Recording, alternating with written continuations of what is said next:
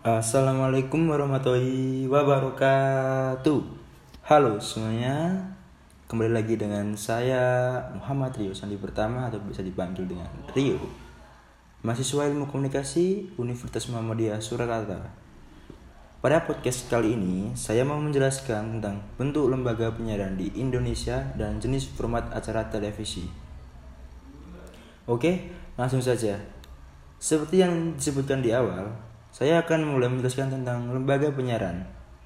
Lembaga penyiaran adalah penyelenggaraan penyiaran yang dalam melaksanakan tugas, fungsi, dan tanggung jawabnya berpedoman pada peraturan perundang-undangan yang berlaku. Undang-undang yang dirujuk adalah Undang-Undang Nomor 32 Tahun 2002 tentang penyiaran. Dalam lembaga penyiaran dapat dibagi dalam beberapa jenis yaitu 1. Lembaga penyiaran publik 2. Lembaga penyiaran swasta 3. Lembaga penyiaran komunitas Dan yang terakhir adalah Lembaga penyiaran berlangganan Dari keempat poin tersebut Saya akan menjelaskan sedikit mengenai poin pertama Mengenai Lembaga penyiaran publik Oke Lembaga penyiaran publik hakikatnya adalah diakuinya supervisi dan evaluasi publik pada level yang signifikan Publik di sini dibaca sebagai warga negara. Bagi penyiaran publik, pendanaan didapatkan dari dana publik, iuran, dan iklan secara terbatas. Sebagai contoh, BBC, NHK, RRI, TVRI. Format program acaranya ditujukan untuk memenuhi kebutuhan publik atau kepuasan masyarakat. Lanjut ke poin kedua adalah lembaga penyiaran swasta. Lembaga penyiaran swasta adalah lembaga penyiaran yang menjalankan usaha penyiaran berdasarkan prinsip-prinsip komersial. Lembaga ini menjual usaha berupa waktu tayang untuk bisa dipasangi iklan. Iklan dan usaha lain yang sangat terkait dengan penyelenggaraan penyiaran. Iklan bisa dalam bentuk slot dan blocking time. Lanjut yang ketiga yaitu lembaga penyiaran komunitas. Lembaga penyiaran komunitas adalah lembaga yang didirikan oleh komunitas tertentu yang menjalankan aktivitas penyiaran secara independen atau netral. Daya panjang rendah, jangkauan wilayah yang terbatas, tidak komersial, serta melayani komunitas. Lembaga penyiaran komunitas tidak boleh komersil, yang penting penyiaran komunitas tidak boleh dimiliki atau berafiliasi dengan kelompok usaha yang mencari untung semata. Contohnya adalah Grebek Grabak TV di Magelang dan radio komunitas yang tergabung dalam JRKI atau jaringan radio komunitas Indonesia. Yang terakhir atau poin keempat adalah poin tentang lembaga penyiaran berlangganan. Lembaga penyiaran yang lembaga penyiaran berlangganan yaitu lembaga penyiaran yang memancarkan atau menyalurkan materi siaran secara khusus kepada pelanggaran eh kepada pelanggan melalui radio, televisi, multimedia atau media informasi lainnya. Dalam memancarkan memancarluaskan siarannya, Lembaga penyiaran berlangganan dapat menggunakan satelit, kabel atau melalui terestrial. Contohnya adalah MNC Sky Vision, Use TV, Mula TV dan sebagainya. Nah, itu tadi adalah penjelasan tentang bentuk lembaga penyiaran dan selanjutnya saya akan menjelaskan juga tentang format acara televisi. Check it out. Menurut Morrison, untuk format acara televisi sebenarnya apa pun bisa dijadikan program untuk ditayangkan di televisi. Selama program itu menarik dan disukai halayak dan selama tidak bertentangan dengan kesusilaan, hukum, dan peraturan yang berlaku. Berikut adalah format program televisi. 1. Berita keras atau hard news yaitu semua informasi penting dan menarik yang harus segera disajikan oleh media penyiaran karena sifatnya harus segera ditayangkan agar dapat diketahui halayak cepatnya.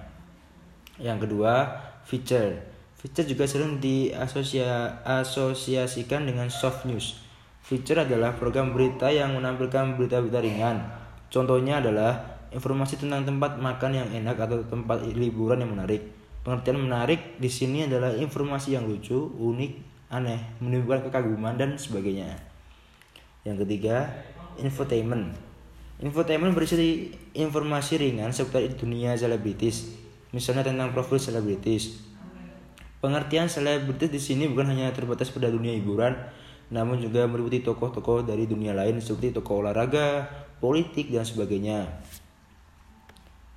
Yang keempat, current affair atau adalah program yang menyajikan informasi terkait dengan suatu berita penting yang muncul sebelumnya namun dibuat secara lengkap dan mendalam. Cukup ter terikat dengan waktu.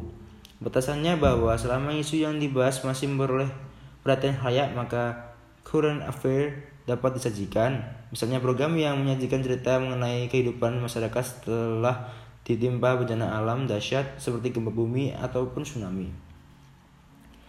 Yang kelima, dokumenter. Dokumenter, dokumenter adalah program informasi yang berisi rekaman yang bertujuan untuk pembelajaran dan pendidikan namun disajikan dengan menarik. Misalnya, mena menarasikan tentang suatu tempat, kehidupan atau sejarah seorang tokoh, kehidupan atau sejarah suatu masyarakat, atau kehidupan hewan di hutan dan sebagainya. Program dokumenter ada kalanya dibuat seperti membuat sebuah film sehingga sering disebut dengan film dokumenter. NGC dan Discovery merupakan stasiun televisi yang secara khusus menayangkan dokumenter. Yang keenam, reality show, program acara televisi yang, televisi yang menampilkan suatu peristiwa berlangsung apa adanya, natural dan tanpa skenario. Yang ketujuh, program talk show atau perbincangan adalah program yang menampilkan satu atau beberapa orang untuk membahas suatu topik tertentu dipandu dengan seorang pembawa acara atau host. Kemampuan host menjadi sangat penting. Mereka yang diundang adalah orang-orang yang berpengalaman langsung dengan peristiwa atau topik yang diperbincangkan atau mereka seorang ahli dalam masalah tengah dibahas. Yang ke-8 adalah drama atau sinetron dan film. Kata drama berasal dari bahasa Yunani yang memiliki arti bertindak atau berbuat atau action. Program drama adalah pertunjukan show yang menyajikan cerita mengenai kehidupan atau karakter seorang atau beberapa orang yang diperankan oleh pemain artis yang melibatkan konflik dan emosi. Drama terbagi dua yaitu sinetron dan film. Yang kesembilan, sinetron.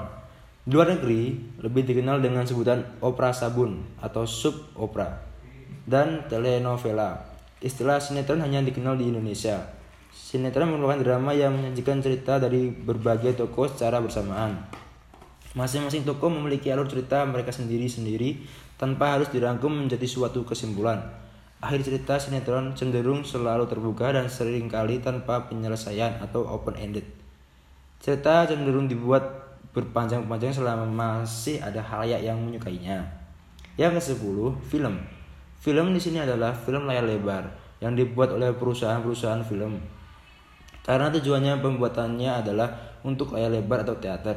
Maka biasanya film baru bisa tayangkan televisi setelah terlebih dahulu dipertunjukkan di bioskop. Televisi kabel berlangganan, pay cable television seperti HBO, Fox dan sebagainya secara khusus menayangkan film. Yang ke-11, game show.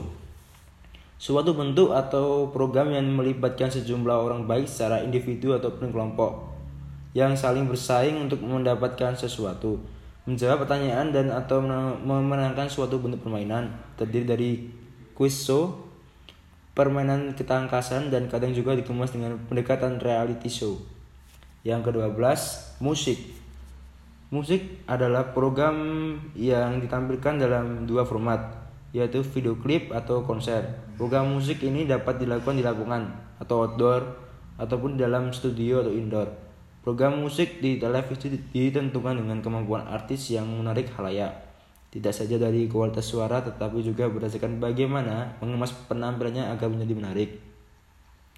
Sebagai contoh MTV adalah stasiun televisi musik pertama di dunia dan video klip pertama kali on air adalah video klip judul Video Card The Radio Star dari The Butchers, sebuah band beraliran New Wave menjadi programasi MTV tiga yang ke yang ke-13 atau yang terakhir adalah pertunjukan.